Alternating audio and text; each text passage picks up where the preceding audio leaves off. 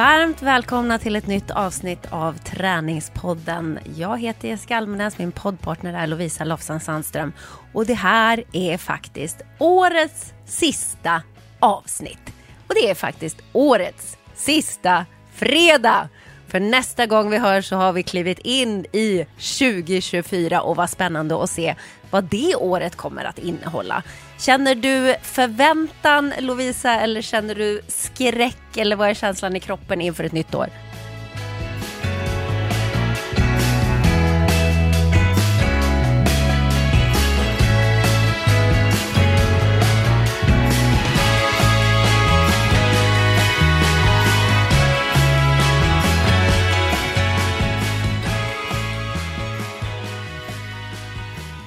Förväntan, tror jag. Jag tror att jag är lite pirrig.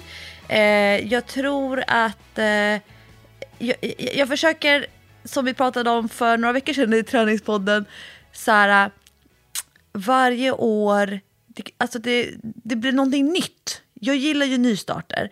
Jag gillar någonting nytt jag upplever, till skillnad från när mina barn var små, alltså små små, typ två, tre, fyra, då var det inte så stor skillnad från år till år. Nu går mina barn i högstadiet. Nu tycker jag så här, det kommer hända jättestora saker varje år. Alltså ja. det kommer vara sådana stora steg, stora kliv som sker varje år. Precis som att jag, när jag pratar med mig själv och med andra människor om så här, ja, men hur gammal var du då Lovisa? Jag bara, ja, men jag måste ha varit 13 och ett halvt. nu bara, hur gammal är jag? 29, 39, 35. Det är liksom, men just de där åren, då var det så noga och det hände så mycket per år. Så nu försöker jag liksom gå in i deras tidsaspekter. Eh, jag är taggad, jag är taggad på nytt år. Eh, jag tror fortfarande flera gånger den här månaden, december månad, så har jag skrivit om 2024 så har jag skrivit 2023. Och jag, när jag har skrivit om 2023 då har jag skrivit 2022. Jag måste liksom få in det här i, i pennan. 2024. Åh. Oh. Ja, men jag, jag, jag, är nog redan inne i 2024, för när folk frågar vilket år det är, eller du vet om man någon gång ska säga år, så säger jag 2024 redan. Så att jag har liksom redan klivit över på andra sidan, känns det som. Jag fyller ju 40 2024. Åh herregud, det är ju ett jättestort år för dig. 4.0. Wow. Den bästa versionen. Oh my god, det, det blir... Oh, det kommer bli ett nytt liv för dig. Men var glad. Det, alltså det, 40 är kul ändå. 40 är kul. Man är i sina bästa år och man är ju liksom den yngsta i det spannet. Ja, jag är yngst av de äldre. Då får man vara den yngsta igen, det är jättehärligt. Jag kommer ihåg när mina föräldrar fyllde 40. Eh, och då var ju det typ tanter och farbröder som ja. var på festerna. Mm, jag, menar, jag känner att jag är nog inte en tant. Jag tror att jag har väldigt många år kvar tills jag blir tant. Gud, jag kommer verkligen ihåg också min mammas 40-årsdag och hennes fest. Herregud gud alltså. Nej, jag var inte riktigt där när jag var 40 om man säger så. Men... Eh, Sveriges fräschaste 40-åring. Men eh, jag har också ett stort år faktiskt, 2024, för att eh, mitt äldsta barn tar ju studenten. Och jag kan nästan inte prata om det utan att börja gråta. Usch, så hör vi röst spricker. Alltså, det tycker jag är verkligen eh, helt mindblowing faktiskt jag och mina syskon vi har en grej när vi så här, tar knasiga bilder eller blir knasiga bilder på våra barn. Det finns ju ganska många kusiner. Vi var på Skansens julmarknad i, precis innan jul och då räknade vi till att vi var 17 pers i den här flocken som drev, drev runt på Skansen och då var inte dessutom alla barnbarn, alla kusiner var inte med och alla eh, svågrar och, eh, var inte med. Men då har vi en grej så här, med alla foton. Så här, åh, det här kan bli till studenttavlan. Aha, ja. Det här kan bli till studentskylten. Åh, åh, åh gud vad pinsamt. Det där, det där kommer vara jättepinsamt på studenten. Men då har vi liksom pratat om småbarn. Och nu är ju du där, där det lilla barnet som du har stått och häcklat när du kollat på bilder ska ha den där studentskylten. Ah, jag vet. Oh, hur ska jag kunna välja bild? Alltså, nej, men vet du vad, jag börjar gråta när jag tänker på det här hela tiden. Det är hemskt. Alltså, jag blir så blödig. Det här var samma när han fyllde 18 i somras. Alltså, jag grät och grät och grät och grät i säkert en vecka. Eller jag började gråta flera månader innan för eh, det, alltså, nej jag vet inte. Jag kan inte eh, hantera det. Nu rinner tårarna. Fy fan vad jobbigt.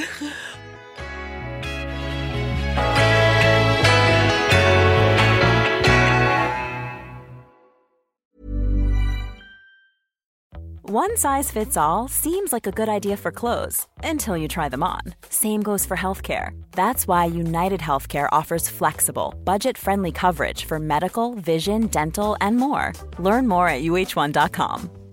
Burrow's furniture is built for the way you live. From ensuring easy assembly and disassembly to honoring highly requested new colors for their award winning seating, they always have their customers in mind. Their modular seating is made out of durable materials to last and grow with you. And with Burrow, you always get fast, free shipping. Get up to 60% off during Burrow's Memorial Day sale at burrow.com slash ACAST. That's burrow.com slash ACAST. burrow.com slash ACAST. Åh, redan nu! Det skulle ju vara en rolig grej att berätta. Ja, i alla fall. Han, han kommer ta studenten och jag har själv eh, ett jättespännande jobbår framför mig. Och det känns jättekul verkligen. För att, jag vet inte, jag, jag tror nu när man börjar bli, när jag börjar bli äldre och eh, ändå är i en bransch där man kanske inte jobbar liksom hur länge som helst och den är väldigt föränderlig, den är ju i mycket rörelse nu, min bransch, och jag vet inte ens om tv finns kvar om några år. Man har ingen aning. Det har man ju sagt ett tag nu och det finns fortfarande där, men vi får se. Eh, så att jag känner ganska stor tacksamhet när jag vet att jag har grejer inplanerade. Jag är ganska eh, pepp på det och innan tog man det lite för givet. Så här, ja, ja, åh, nu ska man jobba igen. Åh. Och, och, nu är jag bara så här, wow, vad kul. Jag har redan tre, fyra projekt inbokade, stora grejer. Eh, jag får då, jobba. Ja, men exakt, jag får jobba.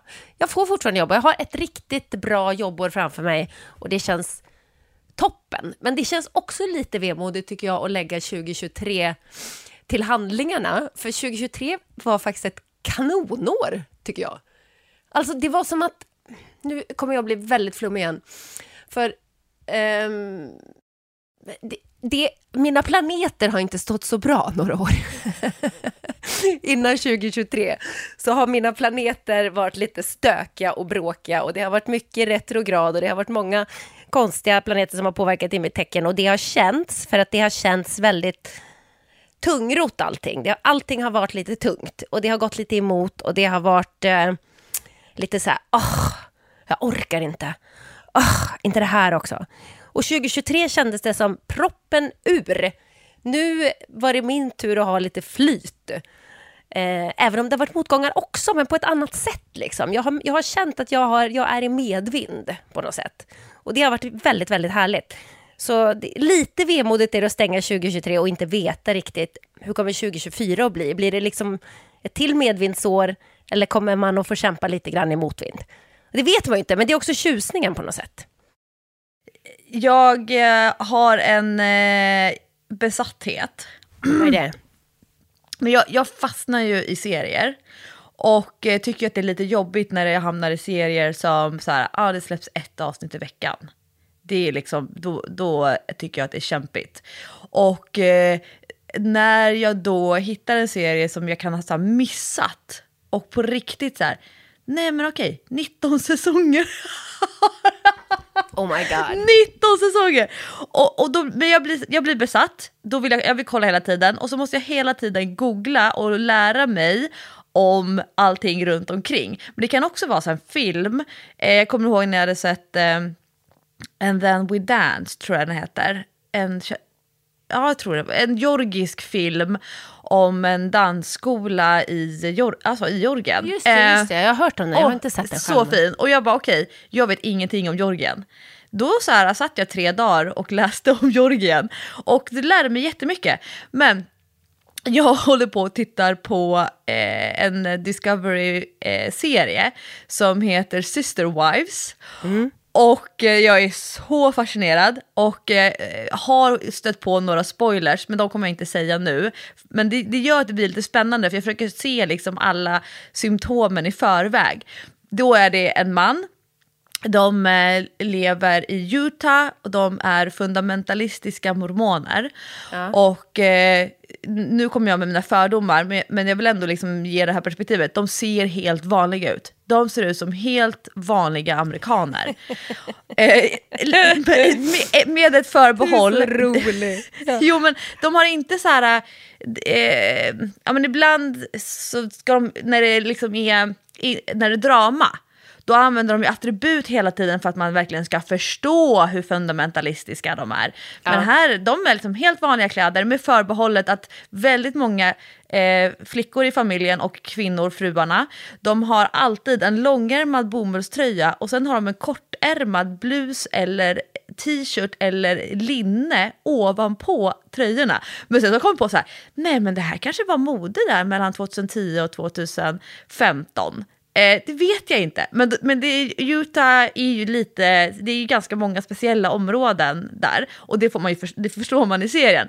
Men då har, då han har då fyra fruar, eh, varav tre har han varit gift med eh, i 16 eller 17 år. Så han typ gifte sig ett år i taget med tre olika kvinnor. Och sen så lever de i en, en eh, fyrsamhet och sen kommer en fjärde eh, fru också. Det är det som första säsongen handlar om. Men då är det så intressant för de pratar hela tiden om att det kan gå upp och ner i äktenskapet. Och då Ja. pratar de om att det kan vara dåligt i tre år i ett av de här äktenskapet, äktenskapen. Men det är väldigt bra i något annat av äktenskapet, de liksom blomstrar. Och sen så blir det väldigt bra i något i det här äktenskapet som har varit dåligt. Men då tycker jag det är så intressant hur man är så reflekterande att man kan se att det har varit dåligt i tre år. Jag Ja. tänker att många av oss är väldigt så här, ah, nu är det dåligt, nu måste det bli bättre. Och det kanske har varit dåligt i tre veckor. Där Ja, är liksom mer jag. Så du, när du säger att du har flera bra år, alltså flera dåliga år och nu har vi ett Ja. helt bra år, det är ju ändå väldigt reflekterande.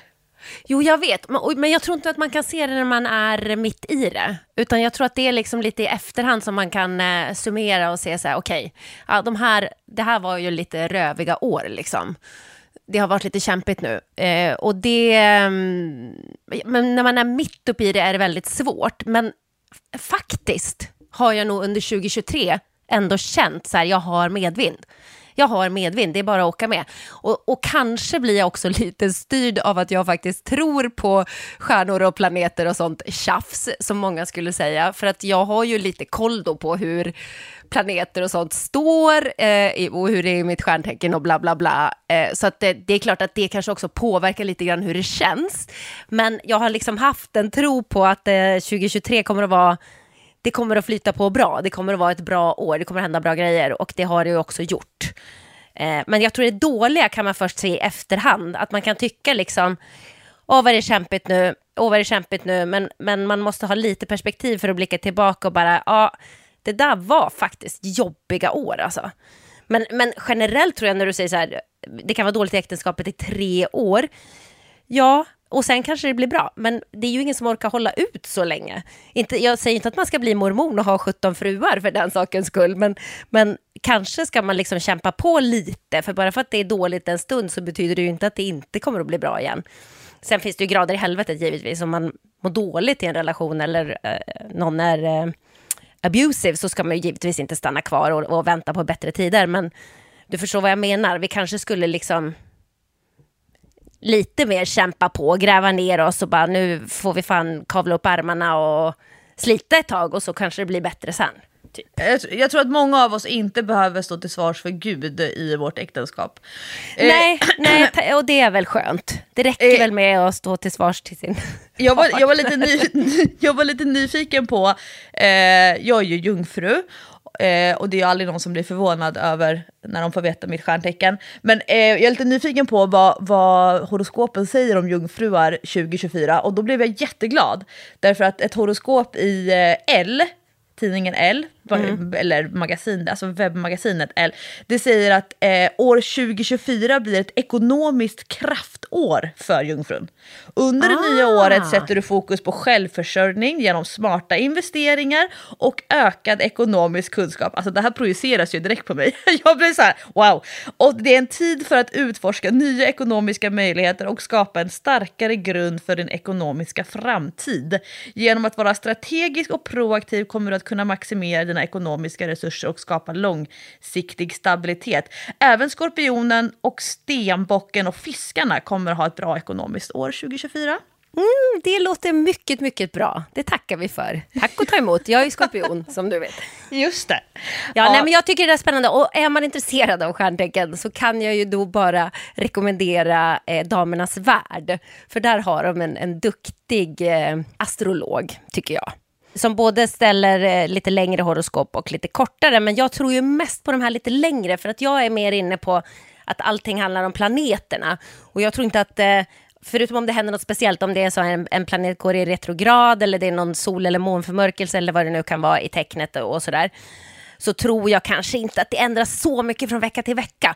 Men jag tror liksom på det här långsiktiga med hur planeterna står och jag tror att det handlar om energier. Och, och liksom, eh, hur de samverkar på, eh, på något sätt. Så att jag tror egentligen inte att det är så flummigt som man kan tro.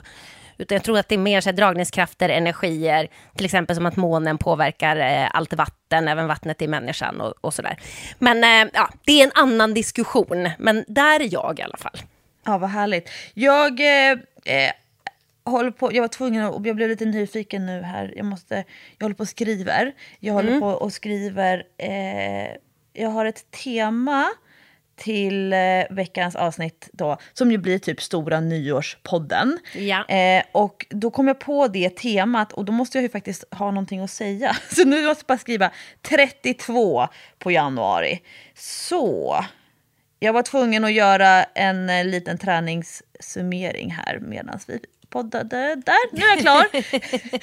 därför, därför att du som är bra på att räkna och är du är väldigt bra på att blicka bakåt, jag är mer framåt. Eh, jag vet inte då hur många nyårspoddar vi har gjort. Kan du räkna på fingrarna?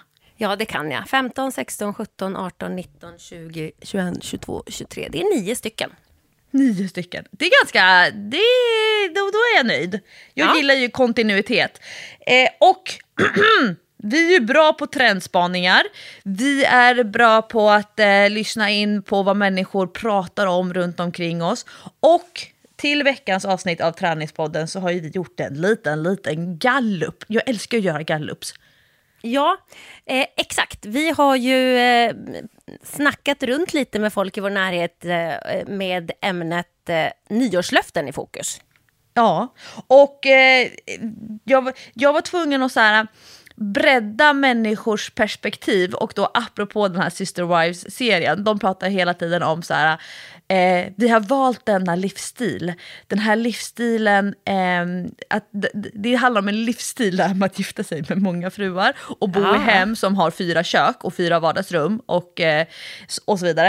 Eh, men jag har försökt så här, bredda människors perspektiv eh, och då när jag frågar så här, ah, men vad har du för nyårslöften? Har du några teman för det nya året?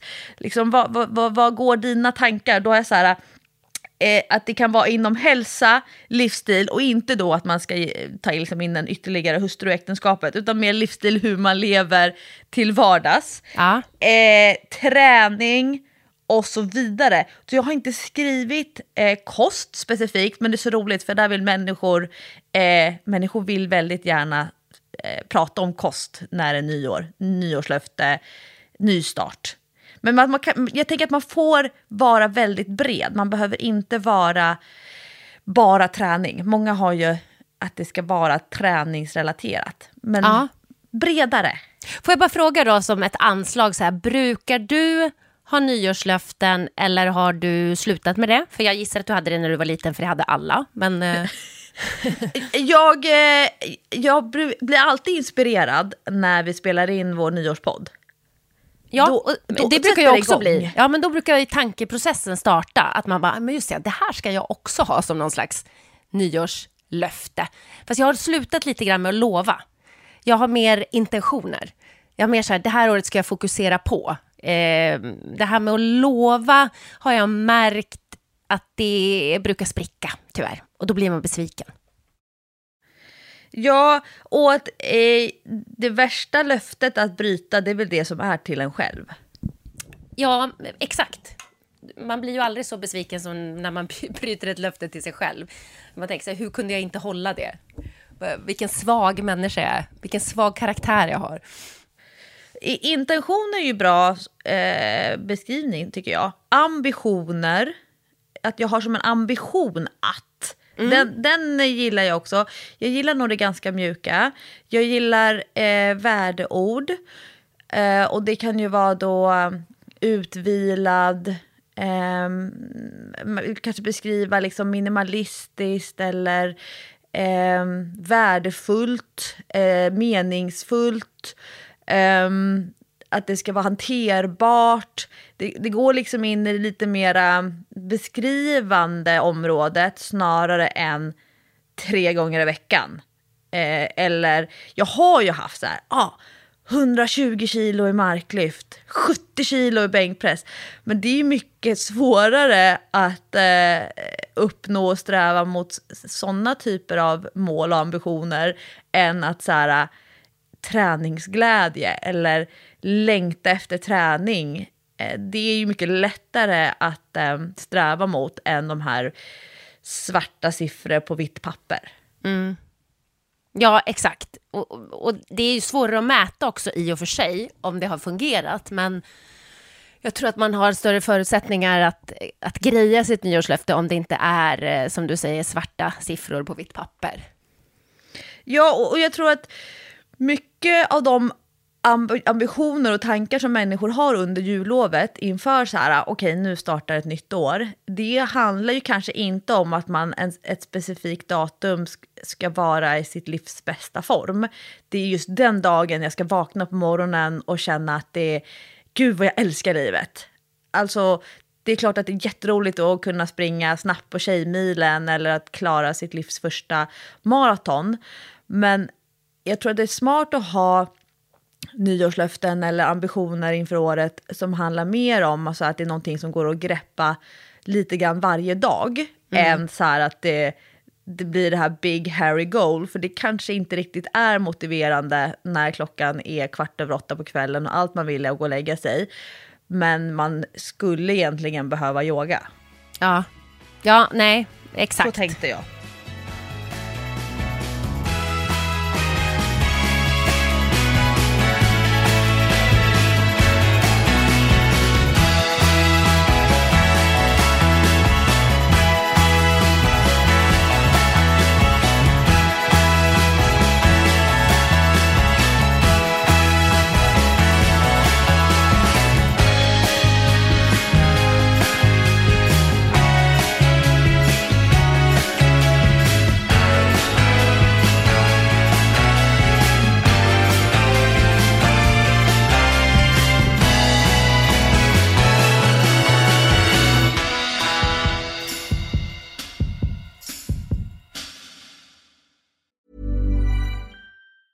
There's never been a faster or easier way to start your weight loss journey than with PlushCare. PlushCare accepts most insurance plans and gives you online access to board-certified physicians who can prescribe FDA-approved weight loss medications like Wigovi and Zepbound for those who qualify. Take charge of your health and speak with a board-certified physician about a weight loss plan that's right for you. Get started today at plushcare.com slash weight loss. That's plushcare.com slash weight loss. plushcare.com slash weight loss. Many of us have those stubborn pounds that seem impossible to lose, no matter how good we eat or how hard we work out. My solution is PlushCare. PlushCare is a leading telehealth provider with doctors who are there for you day and night to partner with you in your weight loss journey. They can prescribe FDA-approved weight loss medications like Wagovi and Zepbound for those who qualify. Plus, they accept most insurance plans. To get started, visit plushcare.com slash weight loss. That's plushcare.com slash weight loss. Vi är även denna vecka sponsrade av Rusta och det passar perfekt för det är ju full vår ute nu. Man kan vara ute utan att ha dunjackor och tio lager kläder, det gillar man. Äntligen, äntligen! Varje vår tycker i alla fall jag att det känns som att det är ett helt nytt liv som börjar. Jag kan sitta ute, jag tycker om att känna solen värmer ansiktet. Och för mig är det liksom, det, det är ett njut. Älskar att vara ute. Och Rusta, det är vårens bästa vän för de har allt för det här nya livet, utomhuslivet. Ja, precis. Vi har ju tidigare berättat att Rusta har ett brett sortiment av i princip allt som du behöver till din uteplats. Och jag har eh, snackat mig varm om solcellsbelysning. Det tycker jag är kanon. Du var inne på ljusslingor och krukor, Lovisa. Men oavsett vad man behöver så får man mycket för pengarna hos Rusta när man ska förvandla och förnya sin uteplats. Hur är det hos dig Jessica? Har du några favoriter när du ska piffa upp er utomhusmiljö?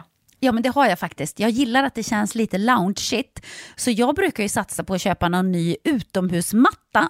För att de är väldigt prisvärda hos Rusta. Så det tycker jag är en stor favorit. Jag ska säga vad jag är sugen på.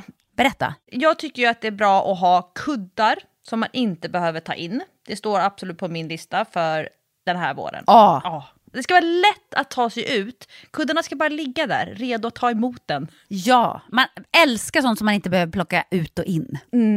Och då säger nog jag att grejer till utegymmet, alltså vi pratar hantlar, kettlebells, foam roller, sådana saker är också för mig vår, att vara ute, det är låg tröskel till att träna och så kan man liksom ta in och ta ut. Och Rusta har riktigt bra hemmaträningsgrejer. Och jag tänker så här, ja, men man sitter och hänger där i sina kuddar och så kan man träna. Och så kan man hänga och träna. För alla våra lyssnare så är ju träning en viktig del av utomhusmiljön, det vet jag. Vi uppmuntrar och uppmanar våra lyssnare att njuta av utomhuslivet och kolla gärna in Rusta när ni vill uppgradera er utemiljö. Kolla in rusta.com, men framförallt besök ett Rusta varuhus och få inspiration till ditt nya uteliv. Vi säger tack till Rusta!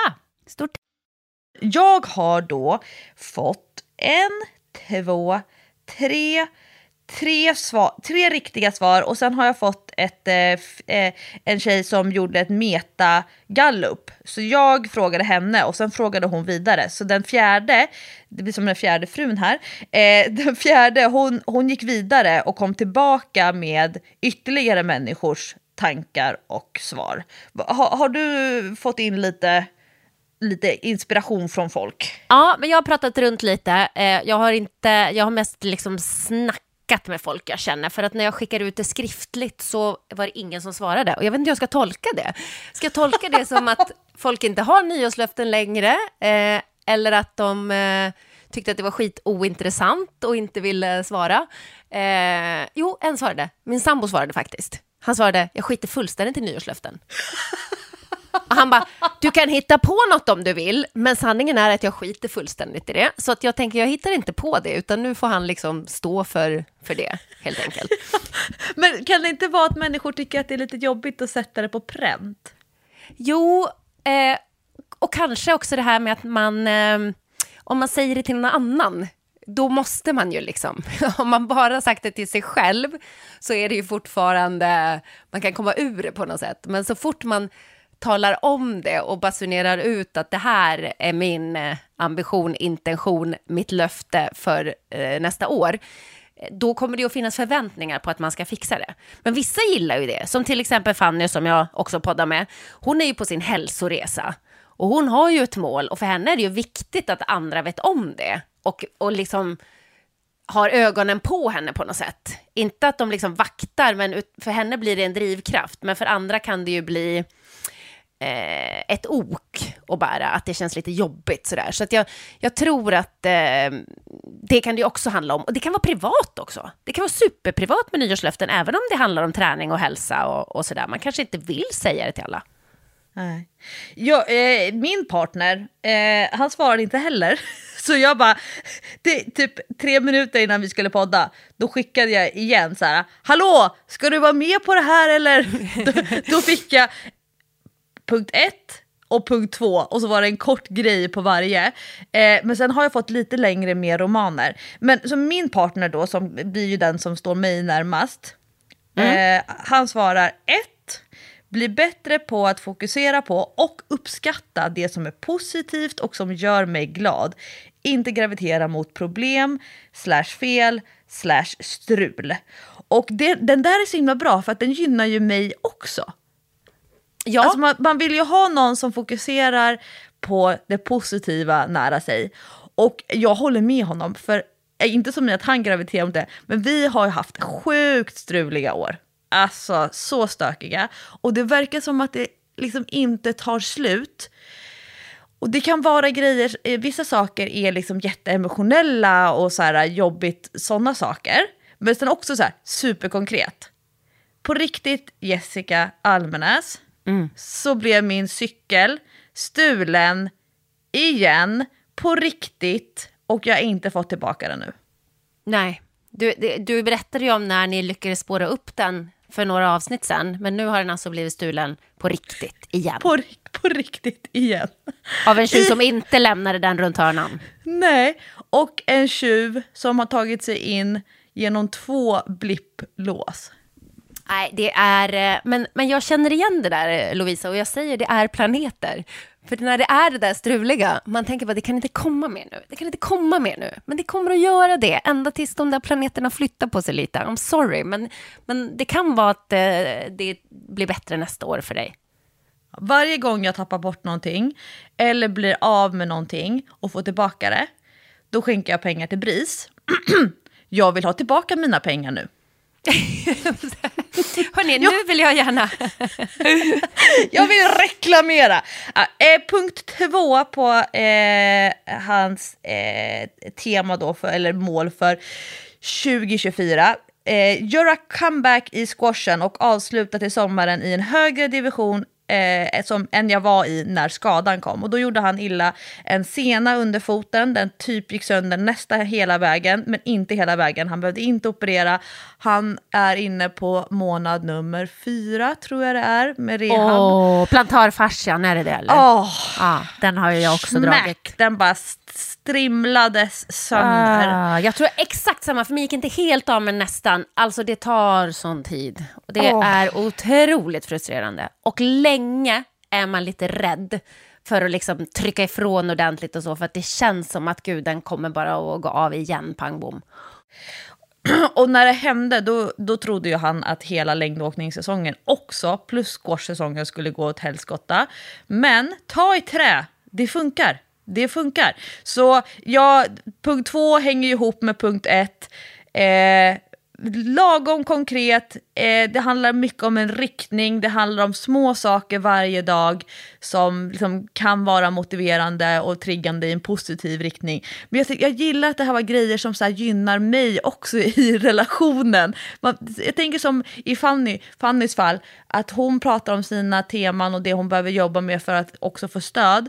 Men det är ju också så här skönt, för då, om man ha, lever nära människor som har sina ambitioner, det spiller alltid över på Ja. en själv. Det är ju det det gör och det är ju jätte, jättebra. Apropå det, när jag pratade med min kära sambo, Falleman, om detta, eh, så sa jag så här, ja men jag tror mitt nyårslöfte på detta tema då, eh, om man nu ska ha ett löfte, det kommer att vara att jag ska komma igång med styrketräningen regelbundet. Nu är jag ju väldigt periodare, att i perioder tränar jag jättemycket styrketräning och sen så kan det gå flera veckor, kanske någon månad och så har jag inte hunnit till gymmet och så har det inte blivit någonting av. Men jag märker att kroppen mår ju mycket bättre av det. Eh, min rehab är ju skitviktig och den gör jag ju på gymmet när jag styrketränar. Och den slarvar jag med hemma när jag inte är på gymmet. Eh, så att jag behöver göra den för att kroppen ska må bra och då har jag ett konkret mål och det är jag ska lägga på mig 2-3 kilo muskler för att det behöver också min kropp nu för jag- börjar bli nästan lite för tunn. Så jag sa det så här, ja men 2-3 kilo muskler ska jag lägga på mig, det är mitt mål. Han bara, mm, du kanske skulle ha som mål och, eh, vad fan var det han sa? Du kanske skulle ha som mål att eh, ge din kära sambo lite mer uppmärksamhet. Och jag bara, mm. Då kände jag mig också dålig, så här, helt uppe i mig själv, du vet. Jag har haft ett bra år, det händer mycket, det är så mycket jobb, oh, mina hobbys, ho ho. Och så den stackaren, han eh, lagar mat och sköter allt praktiskt och liksom ställer upp när jag är borta på jobbresor och så vidare och så vidare. Så att, då fick jag lite dåligt samvete, så det får också bli en del av mitt nyårslöfte. Jag ska, jag ska vara mer uppmärksam på min sambo. Två till tre kilo mer muskler och två till tre timmar i veckan fokus på din sambo. Ja, bra! Bra! Då behöver jag bara hålla reda på en siffra, eller två då blir det ju, två till tre. Ett spann! Fast de där musklerna kanske gynnar honom också, för då behöver han konka lite, lite mindre och så finns det lite mer att ta på. Ja, men exakt. Så att det blir ju win-win för alla detta, tänker jag. Även om han själv inte har några nyårslöften då, så får han åka med på mitt, eller min ambition. Kommer du klara av att äta mer för att bygga de där musklerna? Eller är det, handlar det bara om att du tänker att det är styrketräningen som är grejen? Nej, men vet du vad? Alltså det här är nog första gången i mitt liv, tror jag, alltså inte ens när jag var ung och jobbade som modell, som jag måste tänka på att äta extra för att hålla vikten. Och det är ju ganska sjukt egentligen i min ålder. Men jag måste verkligen så här, jag måste gå upp och göra frukost varje dag. Och jag gillar ju egentligen inte att äta frukost, jag är inte hungrig på morgonen. Men jag måste göra det. Jag måste äta extra mellanmål. Går jag till gymmet måste jag ta en extra proteindrink eh, efteråt. Eh, för att eh, hålla vikten, för annars går jag ner i vikt. Och det är ju, kan ju låta som ett lyxproblem för många, men det är inte så kul eh, faktiskt.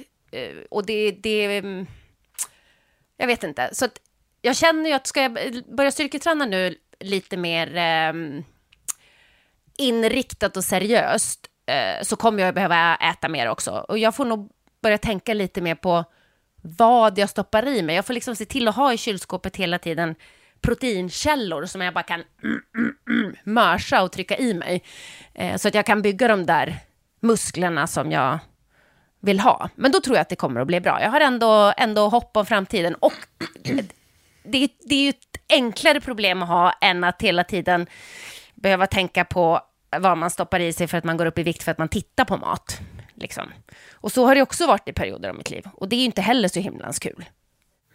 Nej, för jag, jag, har tänkt ganska mycket de senaste veckorna. Du och jag har ju på och, och eh, testat runt och roddat runt i Lifesum-appen. Vi har ett ja. samarbete med dem och då måste vi veta, veta hur den funkar.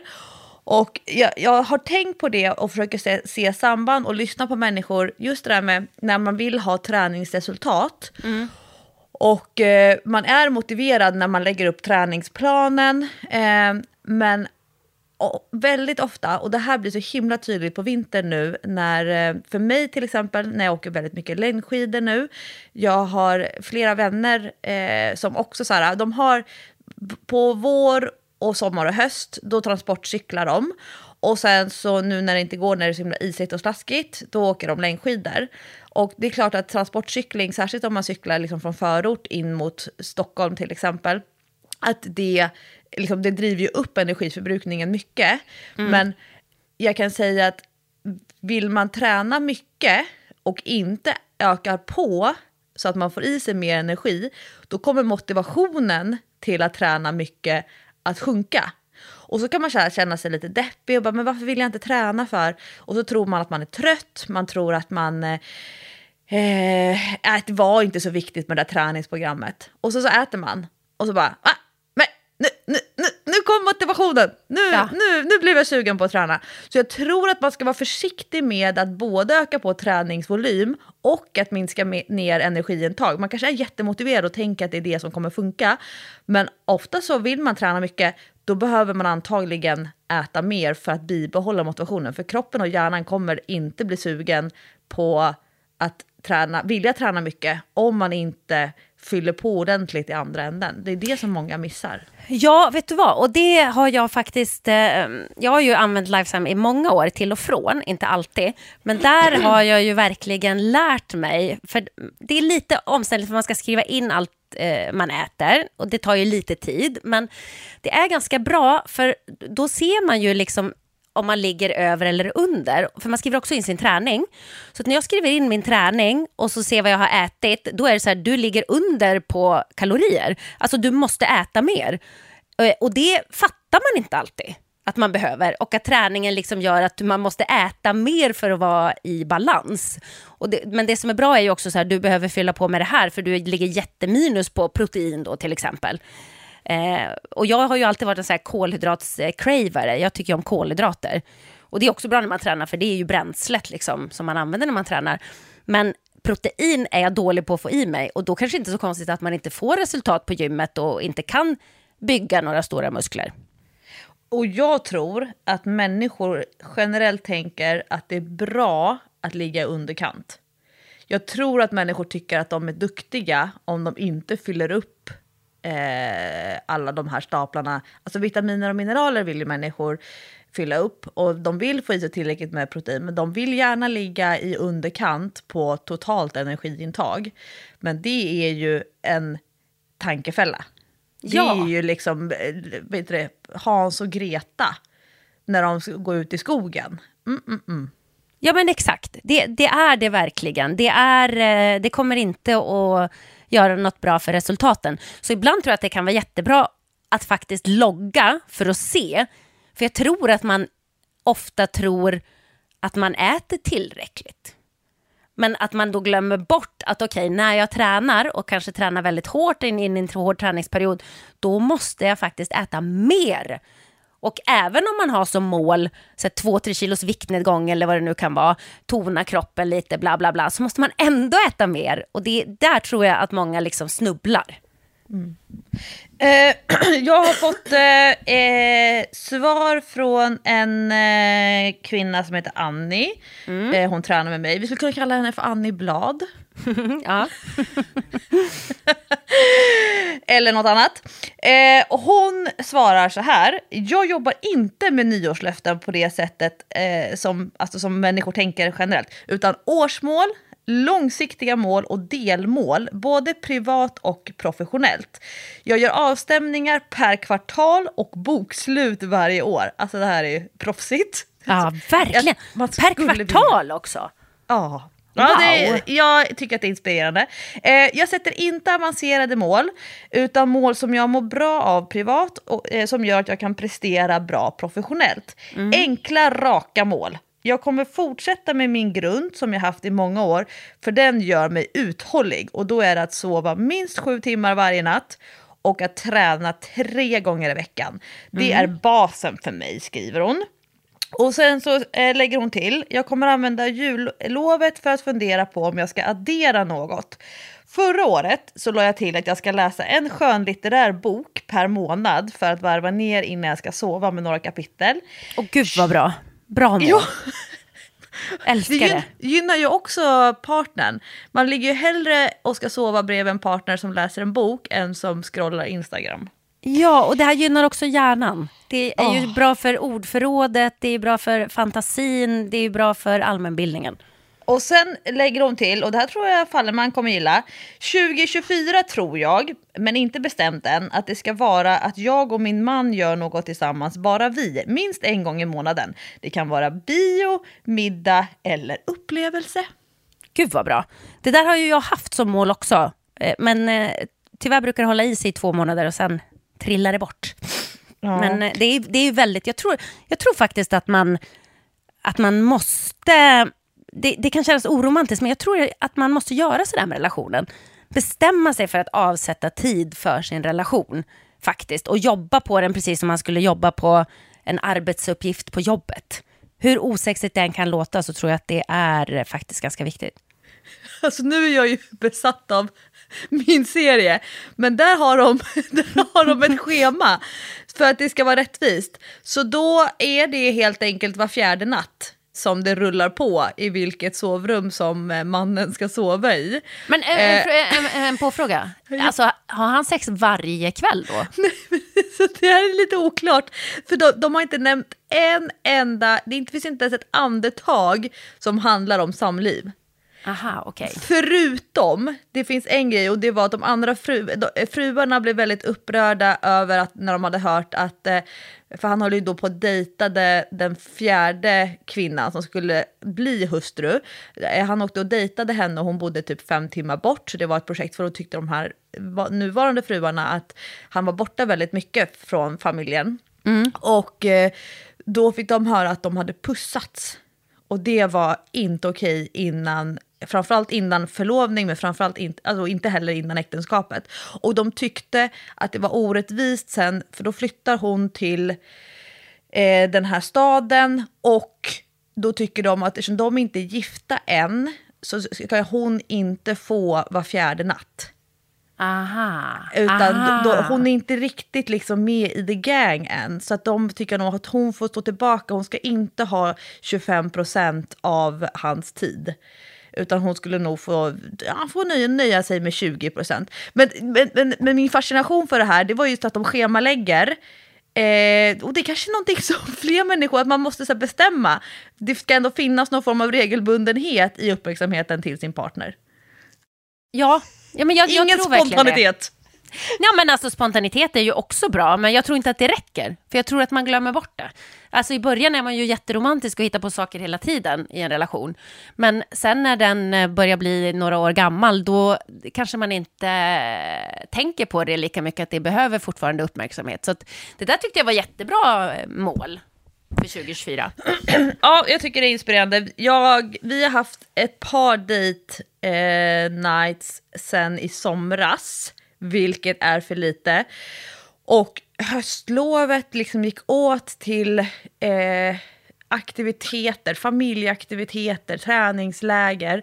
Så det här jullovet, det blir nog våra lite så här mm, investera i relationen. För sen kommer ju våren och då rullar det på. Ja, våren brukar ju ge med sig grejer, för man blir ju gladare och på gott humör och lite eh, pilskare, om man ska uttrycka det så, när det blir sol och ljus igen. Men jag måste bara säga att jag, jag tycker verkligen eh, att din kund är en inspirerande person på alla möjliga sätt. Och, och det här eh, kände jag att, ja, det är klart att, att hon har så... En sån strategi för 2024 och liksom är så strukturerad i de grejerna. Ja, Annie är ju en strateg. Och hon heter inte Blad i efternamn. Nej, precis, men hon, eh, hon är häftig. Jag blir imponerad av folk som har sån koll på alla delar i livet och klarar det och samtidigt hinner tänka på hälsa och eh, ja, sådana saker. Coolt. Eh, jag har eh, nästa undersökningsresultat och den kommer jag dela upp och så kommenterar vi på varje. Go. Ja, och det här är en tjej, hon, hon blev så himla glad över att eh, eh, hon fick frågan och hon vill såklart dela med sig. Eh, och nu måste, det blir lite reservation för att eh, jag tror att jag sätter press på människor när, när jag hör av mig, precis som du, att man så här, varför svarar inte folk? Och jag tror att de som svarar, de blir så här, oj, nu måste jag svara ordentligt. Ja, exakt. Mm. Så det här kan, vi kan ju inte säga att det här är normen. Nej, precis. Nej, exakt. Eh, mål för eh, år 2024 i stort. Jag ska känna mig stark, kapabel och energifylld. Uppleva stark livsglädje och tacksamhet. Oj. Ja. Ja, alltså mitt hjärta bara... Mm. Eh, vad svårt, säger jag. Ju- Just med livsglädjen. Alltså, det är klart eh, att det är ett bra mål att ha, men vad svårt att liksom bestämma sig för det. Men, men då kanske man måste jobba med sådana här affirmationer och tacksamhetsövningar och sånt som jag inte eh, är så inne på, som du vet, som vi har pratat om. Ja, och, men jag tänker att ehm, generellt så kan det ju vara så att människor som har haft en väldigt låg livsglädje, eller alltså då i princip ingen livsglädje, att det är då man inser att livsglädje är viktigt. Ja. Ja, Jag, verkligen. jag tror både du och jag har ju varit i situationer och perioder i livet där man så här, vaknar på morgonen och bara nej, inte en dag till. Ja men absolut. Och då tänker man ju, jag kommer aldrig att bli glad igen. Det är så här det kommer att vara resten av mitt liv. Jag är tom. Jag känner ingenting. Allt känns deppigt. Det är ju väldigt, väldigt jobbigt när det är så. Men vet du vad? Apropå detta tema så läste jag faktiskt en eh, artikel. Eh, för jag började tänka lite grann på det här när vi pratade om lycka. Kommer du ihåg? Eh, vi hade ju långt resonemang om lycka för några veckor sedan. Just det. Och vad det är som gör att man blir Happiness report. lycklig. Eh, och då läste jag en artikel att dumma människor är lyckligare än intelligenta. Därför att de... Ja, men, ja och, och så började jag läsa. Först lät det lite så här wow, men det var ju en klatschig rubrik. Men så började jag läsa och tänkte så här, ja, men det är kanske inte så dumt. För att de, eh, de, de gör inte eh, livet så komplicerat. De övertänker inte allting som intelligenta människor tydligen gör. Alltså att man hela tiden analyserar eh, och håller på. Utan om man är lite mer korkad eh, så, så eh, gör man inte livet så svårt för sig. Och då är man bara nöjd. Så att, jag vet inte, det kanske ligger något i det. I don't know. Jag, jag, kan ju känna igen mig i, eh, i det där eh, korkade eller dumma människor. Att jag är ju ofta... Jag, jag kan vara där genom att jag lever i en lite naiv bubbla. Alltså, jag, jag uppfattar mig ofta som naiv. Och, Ja. och det är ju ganska härligt. Därför att jag tar hela tiden för givet att alla människor vill göra gott. Ingen människa har onda avsikter. Eh, det, här blir, det här blir roligt, det här är positivt. Det finns inga baktankar och det är ganska härligt att gå igenom livet så. Men sen blir jag alltid så paff när jag bara, jaha, nej, nej, nej. Typ det är någon som drar ett lång historia. Den berättar en sån lång historia. Och jag så här, wow, jaha, och verkligen så här målar upp hur det här har gått till och så. Och sen kommer slutklatschen efter typ 12 minuter. Ja, nej, det var bara ett skämt. Det var en sketch som målades upp. Och jag har verkligen så dragits med i den här historien. Men då har jag ändå fått njuta i 13 minuter. Och så blev det 10, minu- 10 sekunder som var så här, "Ha, nej, allt var fake. Men det var ändå så ganska härliga 13 minuter i min lilla, min lilla, eh, kanske lite då korkade hjärna. Ja, men alltså då, då kanske du har bestämt dig för att nu eh, ska jag bara låta hjärnan vara inställd på det här spåret och vara så här naiv. Och det kanske är skönt för tydligen det handlar om att man gör vardagen och livet mycket mer komplext eh, och att man kanske ser mer möjligheter, good and bad, eh, i alla situationer och liksom funderar på alla möjliga alternativ och möjligheter och bla bla bla. Och då blir det mycket jobbigare och det är också förknippat med ångest. Det har visat sig att intelligenta människor har mer ångest än andra eh, och att det kan ha att göra med att eh, eh man har en mycket mer komplex världsbild och att eh, man ser alla situationer mycket mer komplext än man gör om man är ja, naiv då eller eh, lite mer korkad liksom. Så att det kan vara, mm, jag, jag kan ju inte rekommendera det för att man är ju liksom kanske född med den intelligensen man är. Så jag kan inte säga så här, bli lite dummare så blir du lyckligare. Men, men det var intressant ändå tyckte jag, att det, att det kan vara så. eh, påminner mig om en kompis som, hon har så himla höga ambitioner när det handlar om så här, klimat och miljö och hon demonstrerar och hon är med i så här, nätverk och hon gör hela tiden så här, aktiva val. För alltså, hon är, det är väldigt mycket så här, håll, det här med hennes eget, vad hon kan bidra med för att vi ska uppnå klimatmålen. Oj, Och- oj! Ja, det, hon Ja, men det är ju det här jag menar. Ja. Det är ju det här jag menar. Om man är så här bara, ja, ja, jag skiter väl i vilket, eller jag kan inte göra något ändå. Ja, alltså, och det stod i den här artikeln också, så här, den som är lite, lite dummare då, inom citationstecken, eh, den bryr sig inte så mycket om eh, klimatmålet och tänker att den kan väl inte göra något ändå, så den kan resa till New York fram och tillbaka fyra gånger på ett år utan att tänka på det.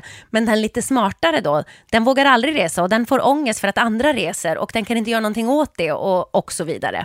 Så Ja, Och, och, och för henne, då var det så här att hon måste ha bil. Hon bor på ett ställe som där det ska vara väldigt bra, det är väldigt bra för klimatet om hon bor där hon bor, för då kan hon hålla nere väldigt många av sina andra miljöbelastningar.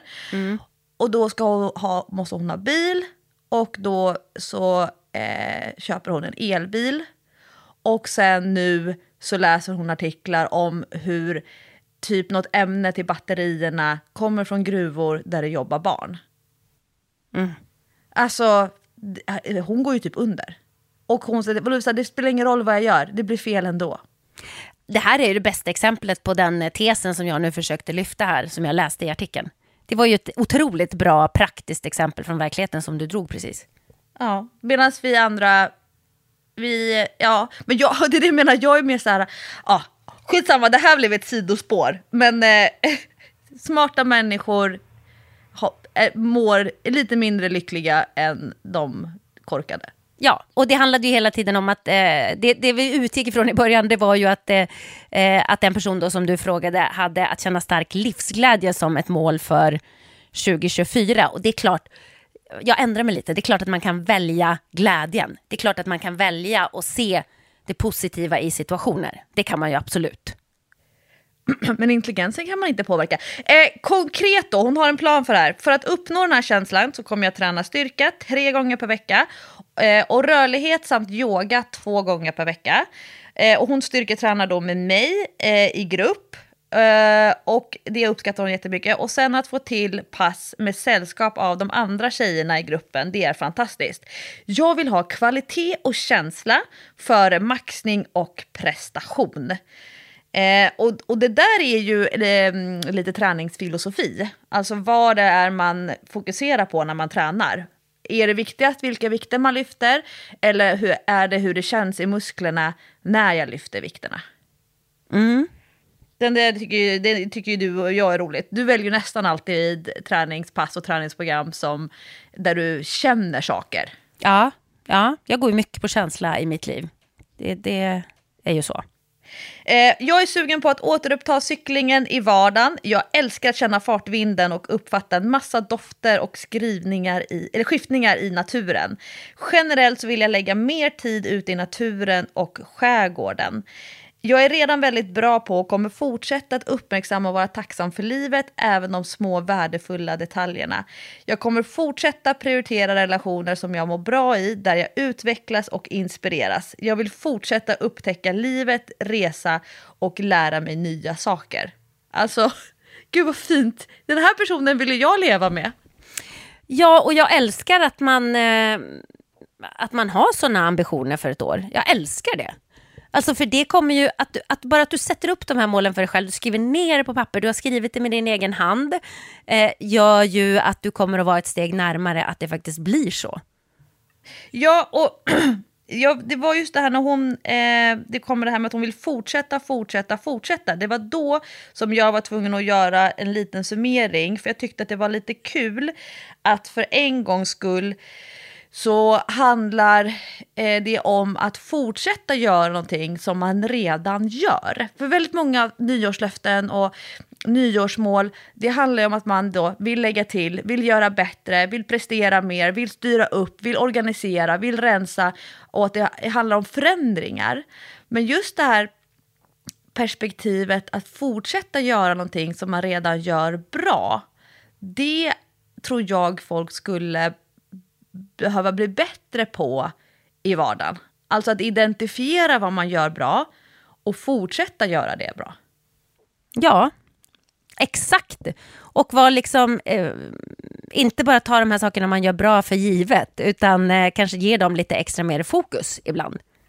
Ja, och då tänkte jag, eh, eftersom människor väldigt gärna vill sätta upp så här, träningsmål, eh, hur många gånger i veckan de ska träna i genomsnitt och så vidare.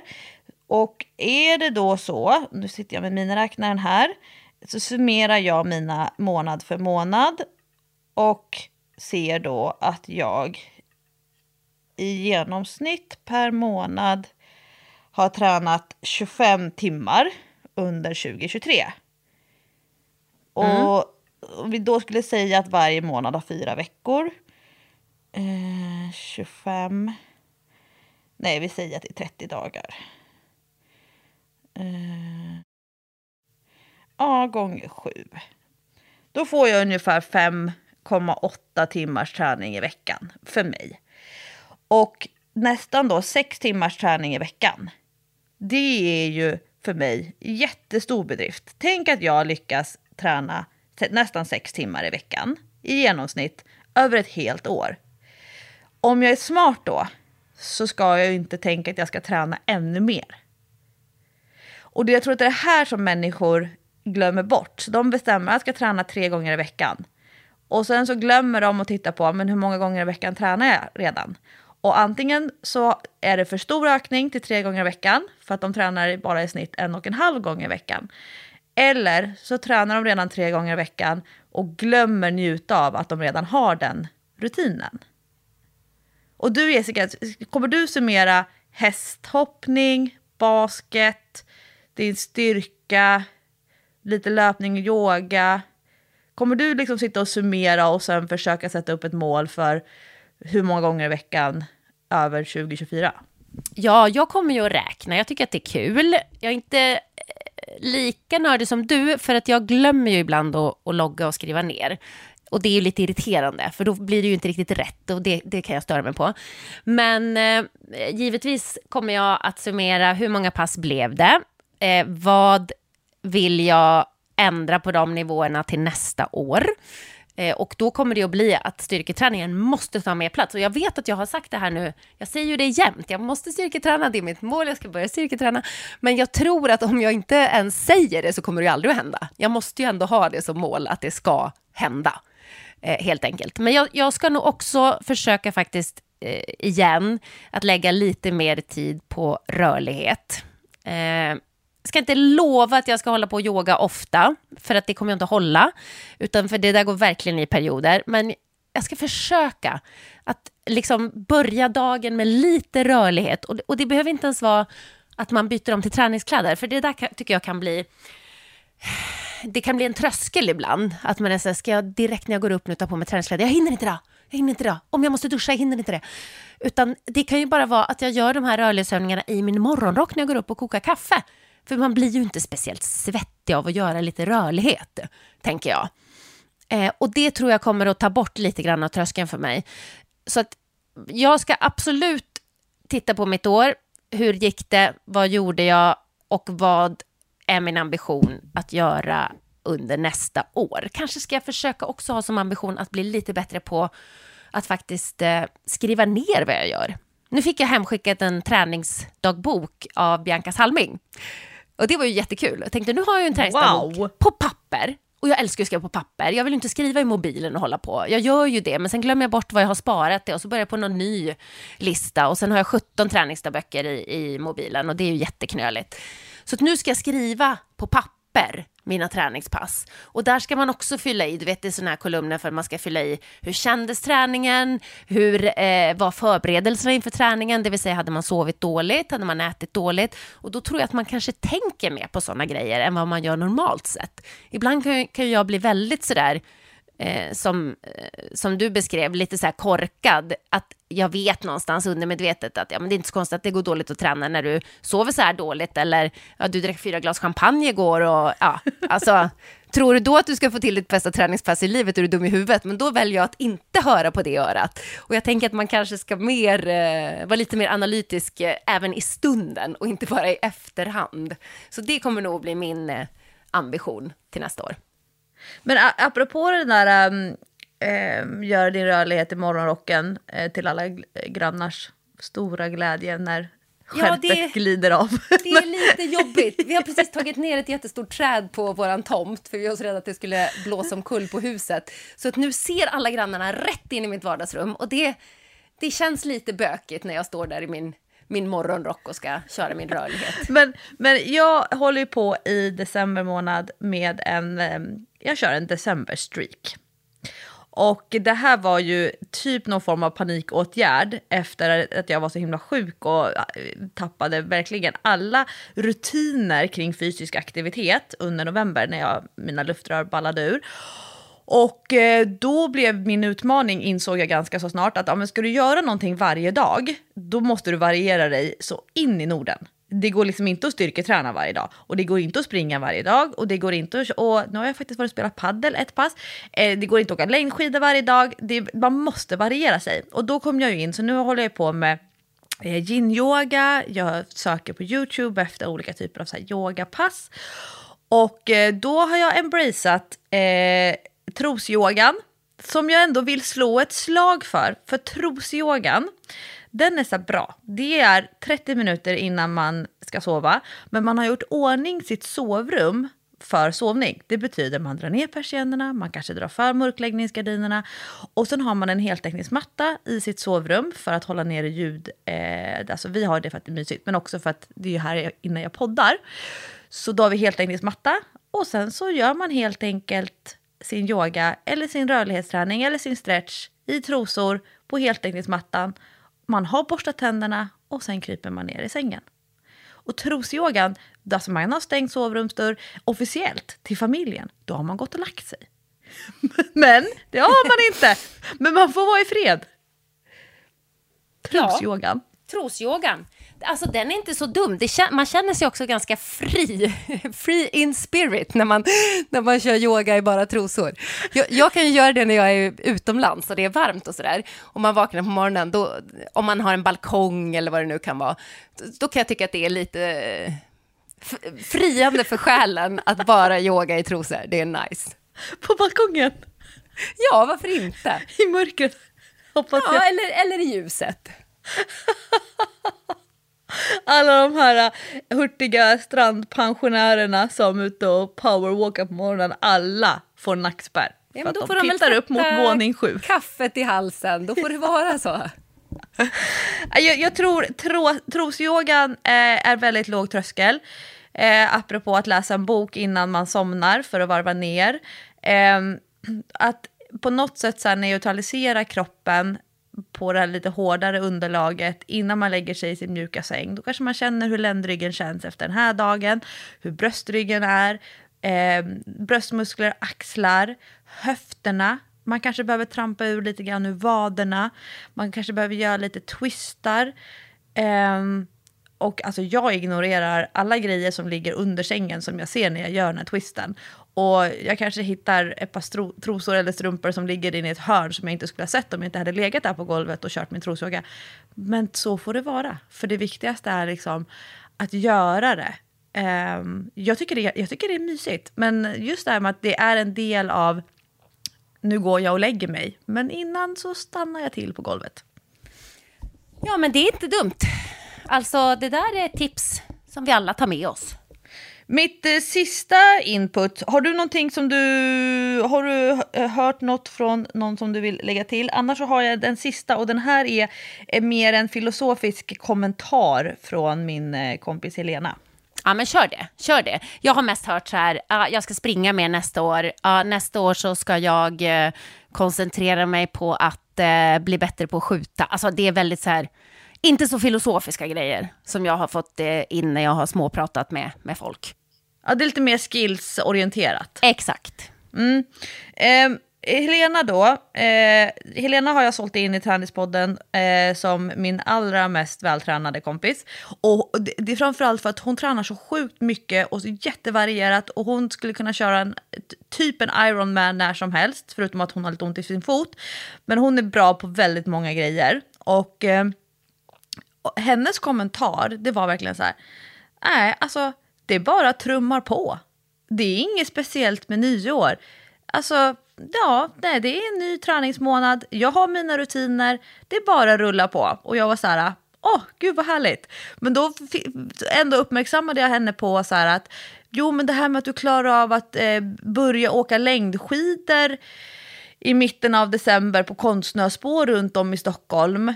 För du är ju inte en sån som åker rullskidor på hösten. Alltså det här med att man byter träningsform, då var hon så här, ja, nej, kommer helt naturligt. Jag var okej, okay. det är så här härligt, väldigt så här såsfri. Det är bara, det är bara att rulla på. Men då berättade hon att hon hade pratat med en kollega eh, och den personen hade så här, ja men äh, jag, jag, jag, jag tänker att jag ska komma i form. Och då var det en lite intressant dialog mellan dem, för att då kan ju den ena personen tycka att så här, ja, men det är väl jättebra att jag tänker att jag ska komma i form. Och den andra personen då, som var mer så här, okej, okay, kan vi jobba lite mer specifikt? Komma i form, hur definierar du det? Vad är det du ska fokusera på? Vad är det för typ av rutiner du behöver ha? Ah, nej, ah, rycker lite grann på axlarna. Och det är ju ganska så intressant, för jag tror att väldigt många människor är sådär eh, väldigt luddiga och eh, abstrakta. Medan du och jag, vi, vi vill ju liksom ha det mer pang på definierat. Ja, och kan det inte också vara lite så eh, att vi har lärt oss eh, Både du är ju liksom utbildad på alla sätt inom detta eh, och vi har också lärt oss genom egna erfarenheter att om man ska nå sina mål så måste man ha en plan för hur det ska gå till. Ja, och, och, komma i form. Alltså jag tror vi har så kort minne så jag tror vi inte ens heller kommer ihåg vi, hur det kändes när vi inte var i form. Så vi kanske inte heller uppmärksammar när vi väl är i form om vi inte har definierat vad vi menar. Nej men precis. Eh, och generellt tror jag att eh, ju mer konkret man blir i de där grejerna, desto bättre är det faktiskt. Hon, hade också, hon pratade med fem personer till, alltså det här blev verkligen så här meta, att hon, hon tog det vidare till en större grupp.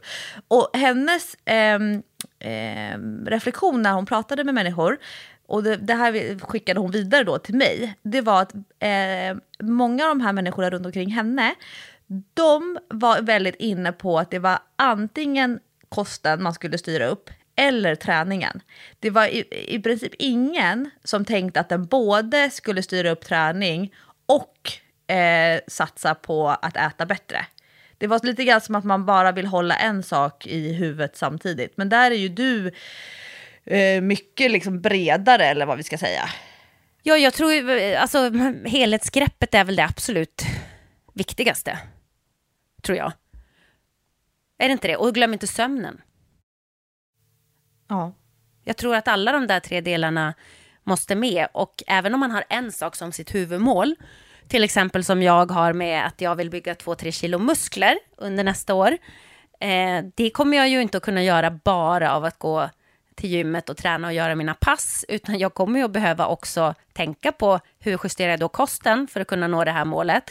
Sover jag tillräckligt så att kroppen orkar eh, ta till sig den här träningen? Eller är kroppen upptagen med annat för att jag ligger på sömnbrist och sådär? Eh, blir jag sjuk hela tiden för att jag inte sover ordentligt? Och då kan jag ju inte träna som jag vill. Så jag tror att man måste ju, alla de där delarna går ju hand i hand. Hälsa är ju, där måste man ju ta ett helhetsgrepp. Det går ju inte att bara säga att jag ska foka på en grej. Eller tycker du, tycker du att man kan Nej. det? Nej, alltså det, jag tror att man blir besviken då. För jag tror att eh, människor tänker att, eh, att foka på en grej kommer göra jättestor skillnad. Men jag tror på att göra små förändringar här och där. Det är det som kommer göra den stora förändringen. Men att, göra, att styra upp ett område jättehårt kommer inte att göra så stor skillnad. Särskilt inte, som du säger, okej, okay, vill att ha jättestora träningsresultat men tar inte hand om sömnen, ja, men då kommer du ändå inte, då kommer du bli skadad, du kommer få ont, du kommer bli sjuk, du kommer känna dig sliten. Eller ja, men man vill använda träning för viktnedgång till exempel. Mm. Och så tränar man så satans mycket.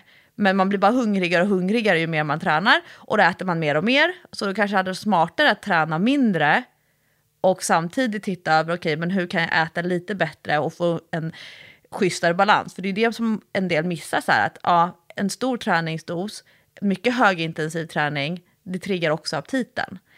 Och då kan, det är liksom, jag tror att människor blir besvikna för att de satsar så himla mycket på ett kort och sen så ger inte det eh, de resultaten som de tänker att det ska göra. Och det kan ju vara så att man har blivit inspirerad av en person som säger nej men jag förändrar inte kosten någonting, jag bara tränade jättemycket. Eller en annan person som säger så här att nej men jag har inte tränat någonting, jag har bara ätit jättenoga. Fast det kanske inte behöver stämma. Det kanske inte behöver vara sanningen. Plus man vet inte vad betyder att inte träna någonting för en person. Det kanske mm. ändå betyder 20 000 steg om dagen i vardagsmotion. Så man, för man lever ju inte bredvid den här personen genom de här månaderna som de har gjort någon form av så här jätteinspirerande satsning. Men eh, jag tänker innan vi stänger av eh, mickarna i veckans, ny, eller årets nyårspodd, eh, apropå ålder och man blir mer erfaren och jag närmar mig då 4.0-dagen, så fick jag ett svar från en eh, kvinna som är 63. 63, ja, Ja. typ. Och är i sjukt bra form. Alltså, nu, nu, jag vill inte ta åt mig någon ära, men vi tränar, vi tränar tillsammans och, och hon tränar hårt när hon tränar. Och mellan träningspassen så är det inte så himla mycket eh, fokus så på träning, men hon, så, men hon har skrivit väldigt roligt. Eh, ett, avger aldrig löften, däremot mål, delmål och strategier. Men så kommer de här kommentarerna, eh, det är två stycken. Eh, jag är bara människa och säger fuck it emellanåt. och, eh, och då tänkte jag så här, ja fuck it. Alltså ska man fylla 40 då kanske man ska säga lite mer fuck it. Jag är bara människa, hallå. Ja, men alltså jag tänkte fråga dig om detta nu, för jag har- har funderat nu nästan hela podden här på att du faktiskt fyller 40 nästa år. Vilket innebär att du, nu kan du inte längre vara den här lilla tjejen. Alltså nu är, du kommer att bli vuxen nu nästa år, eh, Lovisa. Vare sig du vill eller ej. Men känner du då, eh, för att det har jag känt lite. Det börjar ju närma sig the big 5-0 för mig, inte nästa år, men året efter. Och jag har känt lite grann så här, jag vill fan vara i form då. Jag vill inte slacka. Jag har ju haft några år när jag känt så här, jag skiter i vad folk tycker, jag bryr mig inte om, jag vill inte ha, ha någon slags... Eh, Alltså jag, jag gör mig inte till för killar längre, bla bla bla, den uppmärksamheten bryr jag mig inte om. Och nu har jag gått tillbaka till någonting så här, men jag vill fortfarande känna mig attraktiv. Jag vill att liksom, folk ska titta på mig och tycka att jag är snygg. Och det tror jag har att göra med någon slags åldersnoja, att eh, nu är jag snart 50. Men vad känner du som liksom eh, ändå lever på att ha en killer body, eh, stora muskler, magrutor. Hur stor press känner du på att hålla dig nu i form till din 40-årsdag? Fuck it. Nej, jag skojar. Eh, alltså, jag har ju den stora fördelen att jag aldrig sminkar mig. Vilket ju gör att när jag de få gånger per år sminkar mig, då tycker ju folk att jag är så snygg så de vet inte var de ska titta någonstans. Alltså, det, det, det är ändå liksom en, bra, Ah. en bra rimlig nivå att lägga sig på. Om jag alltid är osminkad på bilder och filmer i princip och sen sminkar mig, alltså de säger men Lovisa, gud vad är det för produkter du använder? Jag bara nej nej nej, det är lite mascara och sol. Det är solkräm." smink. ja det är smink. Eh, så det är det ju ena. Det andra är ju att eftersom jag alltid har träningskläder på mig och de få gånger per år som jag tar på mig människokläder och folk bara alltså Lovisa, Eh, ursäkta?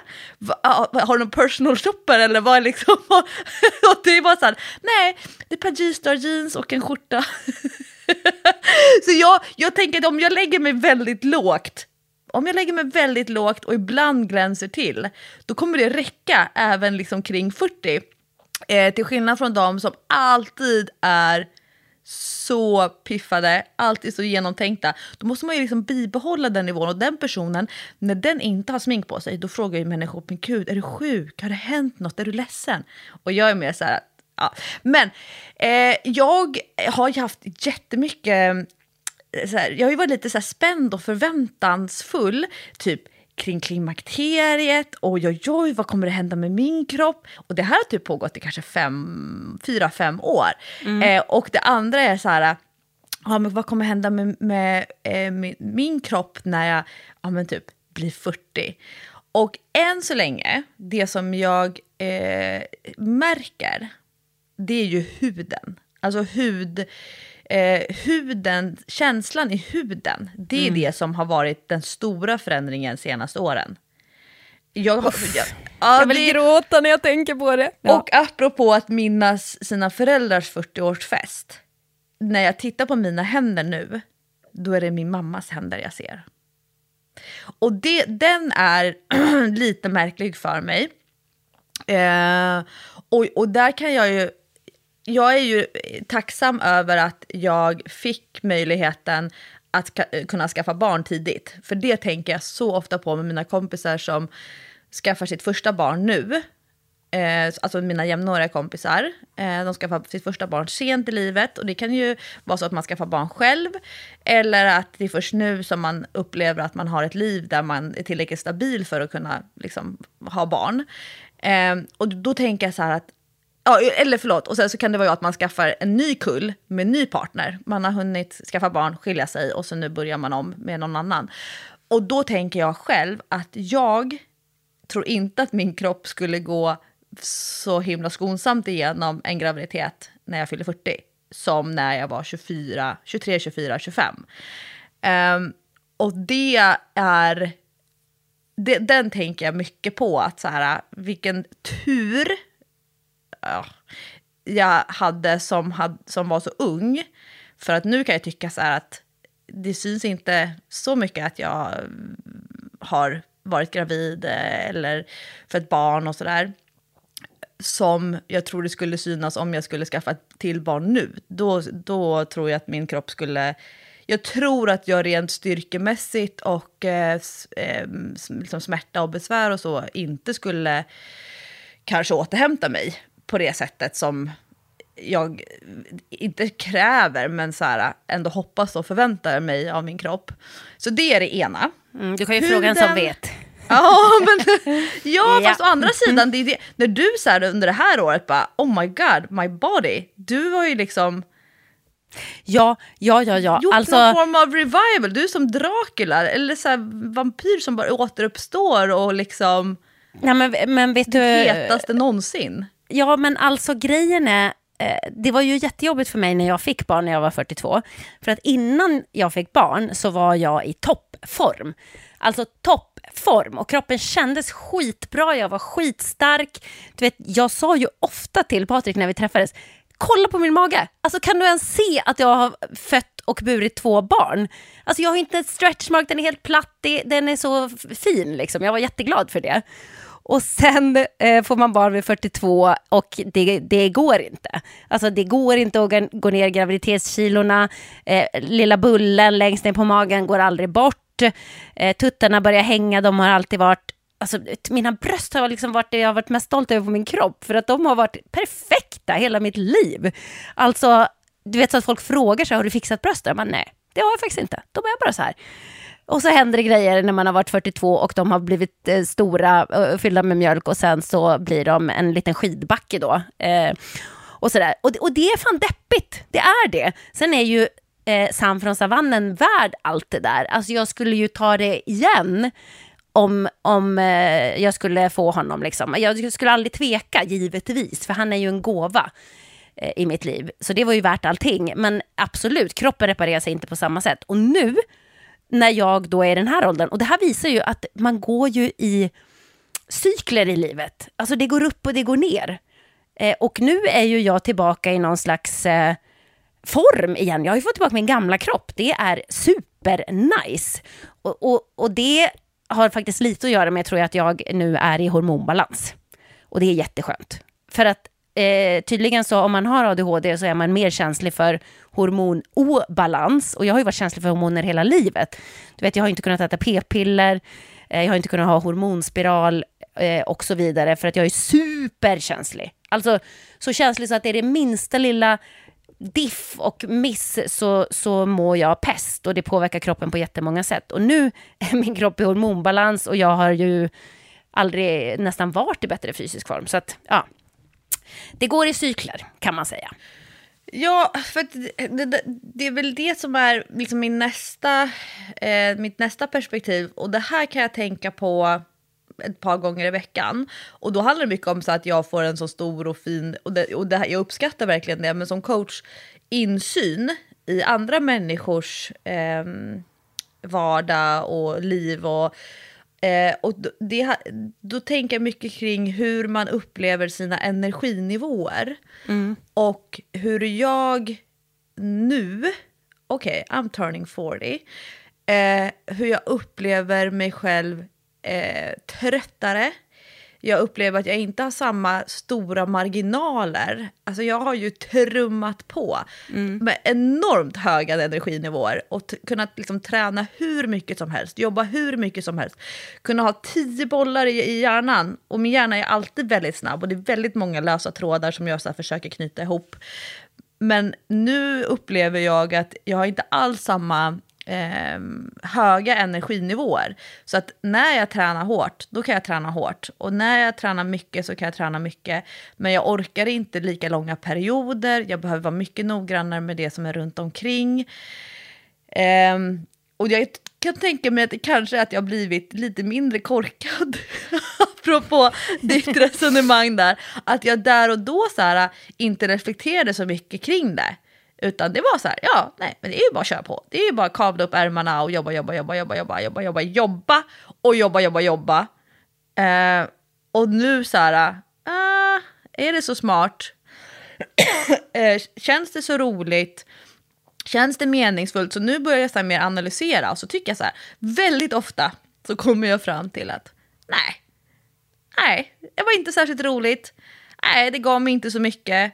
Ah, nej, det är inte så viktigt för mig längre med, och då kan det till exempel vara som när jag var helt besatt av maxstyrka och bara lyfte så jädra tungt.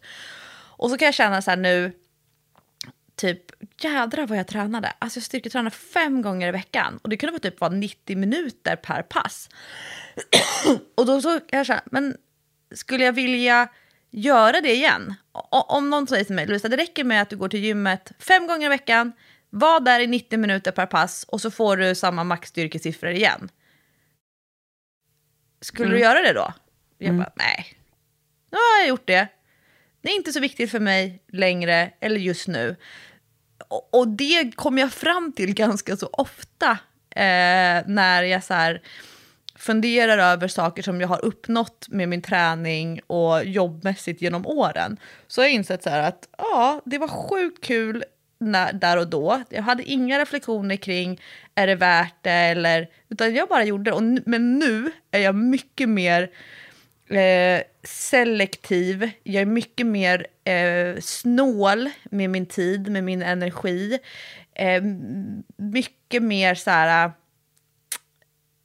Eh, I mycket större utsträckning så lägger jag mig på soffan med filten. Eh, och har inga problem med det. Men det är, är nog, tror jag, att jag liksom närmar mig 40. Och då tänker jag så här, du vet, urtidsbefolkningen. Det var nu, alltså om man fortfarande levde, det var nu man la den gamla tanten i grottan på en renfäll och så fick hon ligga där tills, tills hon coola vippen. Gud vad hemskt! Målbild 2024. För Lovisa. Nej jag skojar. Alltså, jag, jag, jag tror säkert att det kommer vända. Jag måste bara köra finalen på den här eh, fuck it-personen eh, eh, nära mig. Eh, hon skriver också, och det här kanske eh, hänger ihop med både dig och mig. Hon skriver att idag så är jag, eh, är jag mycket mer kroppsmedveten på ett sunt sätt. Jag är inte lika sträng och dissig. Världen runt omkring är tillräckligt skev och hård. Därför känner jag mer snäll och storhet till min kropp och hälsa. Och Ja, det var och- så här fint. Det är Ja men det var ju 60 plus. superfint och det eh, är ju det som vi har pratat om tidigare i podden också. Hur många timmar, dagar, veckor, månader, år har man slösat bort av sitt liv genom att gå runt och eh, tycka illa om sin kropp eller tycka att den är ful eller noja för den eller tycka att det är något fel på den och så vidare. Det är ju sorgligt egentligen. Jag fattar att det hör livet till. Jag fattar det. Men det är ändå trist att vi lägger så mycket tid på det. Mm. Eller hur? Men du Lovisa, innan vi nu ska eh, rappa ihop det här som blev ett långt avsnitt, men det tycker jag är helt i linje med träningspodden. Vi är ju, vi pratar ju länge, vi håller på länge och det är klart att sista avsnittet för året ska vara långt. Men jag skulle vilja läsa en grej för dig nu. För nu har jag nämligen plockat fram här eh, Damernas Världs årshoroskop. Och hon heter Margareta någonting, hon som är astrolog där. Hon är, hon är jättebra. Eh, här är Jungfrun. Visste du att Jungfrun och Skorpionen som är mitt tecken, vi har ju nästan samma symbol för våra tecken. Det visste jag inte. Nej, du har ju som ett M och så på eh, sista eh, sista liksom rundningen på M, det är som ett litet M kan man säga, så blir det som en eh, ögla, så att den går tillbaka som en liten krok liksom. Och på mig så blir det istället, jag har också ett litet M, men där så sticker den där sista, eh, sista liksom böjningen iväg till en pil istället. Ja, jag vi är var tvungen nästan att lika. googla här nu. Jag har ju aldrig reflekterat över symbolen för stjärntecken på det här sättet. Nej, men nu, nu vet du. Då står det så här på ditt 2024. 2024 är ett mixat men intressant år bestående av höga toppar och kanske djupa dalar. Saturnus påverkan utgör en stor del av utmaningarna och dess energi ser till att du finslipas och får erfarenhet. Jungfrun är det stjärntecken som representerar hälsa och goda vanor. Där hör du. Men nu blir det viktigt även för dig att vara uppmärksam på kroppens behov och behålla balansen mellan arbete, vila och fritid. Mm. Sen står det mer, men det där var övergripande för året. vet så den du om vet. att jag fyller 40? Det vet den inte. Den vet bara om när du är född. Hmm.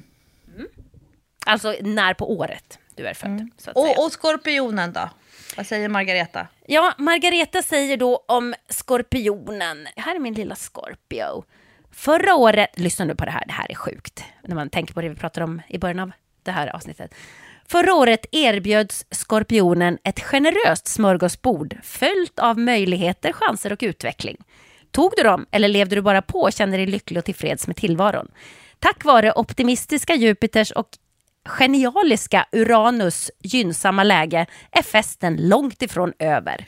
Under perioden januari till maj fortsätter din tillväxt och här finns optimala möjligheter att få till livet som du vill ha det. Jag sa ju det, stjärnorna och planeterna har flyttat sig nu så att nu är jag inne i en bra period. Men det här tycker jag sammanfattar eh, det som jag känner generellt för livet, kroppen, eh, ja allting. Att allting går i cykler. Och du vet, som med kroppen, att jag deppade ihop och var så här, ja nu går allting bara ut för. Nu är det härifrån så är det bara nedförsbacke. Och så vänder det. Och så går det i cykler. Och så har man en period när allting känns lite bättre och nu känns det som det funkar, det är lite medvind. Ja, sen kommer det en period när det är lite tungt och slitigt och allting är lite motvind. Men det är cykler hela tiden. Det är inte liksom ständig uppförsbacke eller ständig nedförsbacke eller ständig medvind eller ständig motvind. Och det får man väl ta med sig, tänker jag. Ja. Det är som de där äh, äktenskapscyklerna då, då med de fyra fruarna. Ja. Då finns det ju alltid en, ny, en annan fru att vara med när det är dåligt i, det, i ett av äktenskapen. Jag tänker att som man måste det vara skitjobbigt att hålla alla på gott humör alltså. Ja, han har det kämpigt. Men han har ju också, eh, eh, han har också givits den här eh, presenten från Gud. Och Gud stöttar honom i arbetet med sina 16 barn. Och tack gode gud för att jag bara behöver ha en man. Det räcker jättebra för mig. Ja, det var det stora nyårsavsnittet inför 2024. Alltså, så inspirerande. Nu jädrar! 4.0. Hörni, nu kör vi! Nästa vecka tänker jag att vi på ett inspirerat sätt blickar framåt. Kanske blir det lite trendspaning för det älskar vi att göra. Ha nu en riktigt härlig nyårsafton. Unna er lite bubbel om det är så att ni gillar bubbel lika mycket som jag. Vi vill önska er ett riktigt gott nytt år. Puss och kram! Hej då!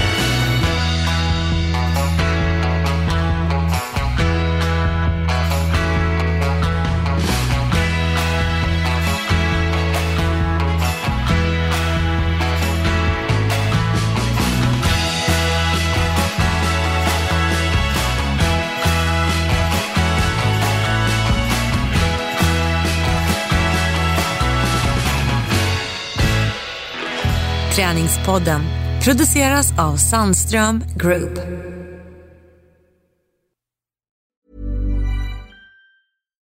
Deserves the best, and there's no better place to shop for Mother's Day than Whole Foods Market. They're your destination for unbeatable savings, from premium gifts to show-stopping flowers and irresistible desserts. Start by saving 33% with Prime on all body care and candles. Then get a 15-stem bunch of tulips for just $9.99 each with Prime. Round out Mom's menu with festive rosé, irresistible berry chantilly cake, and more special treats. Come celebrate Mother's Day at Whole Foods Market. Imagine the softest sheets you've ever felt. Now imagine them getting even softer over time. That's what you'll feel with Bowl and Branch's organic cotton sheets. In a recent customer survey, 96% replied that Bowl and Branch sheets get softer with every wash. Start getting your best night's sleep in these sheets that get softer and softer for years to come. Try their sheets with a 30-night guarantee. Plus, get 15% off your first order at bowlandbranch.com. Code BUTTERY. Exclusions apply. See site for details.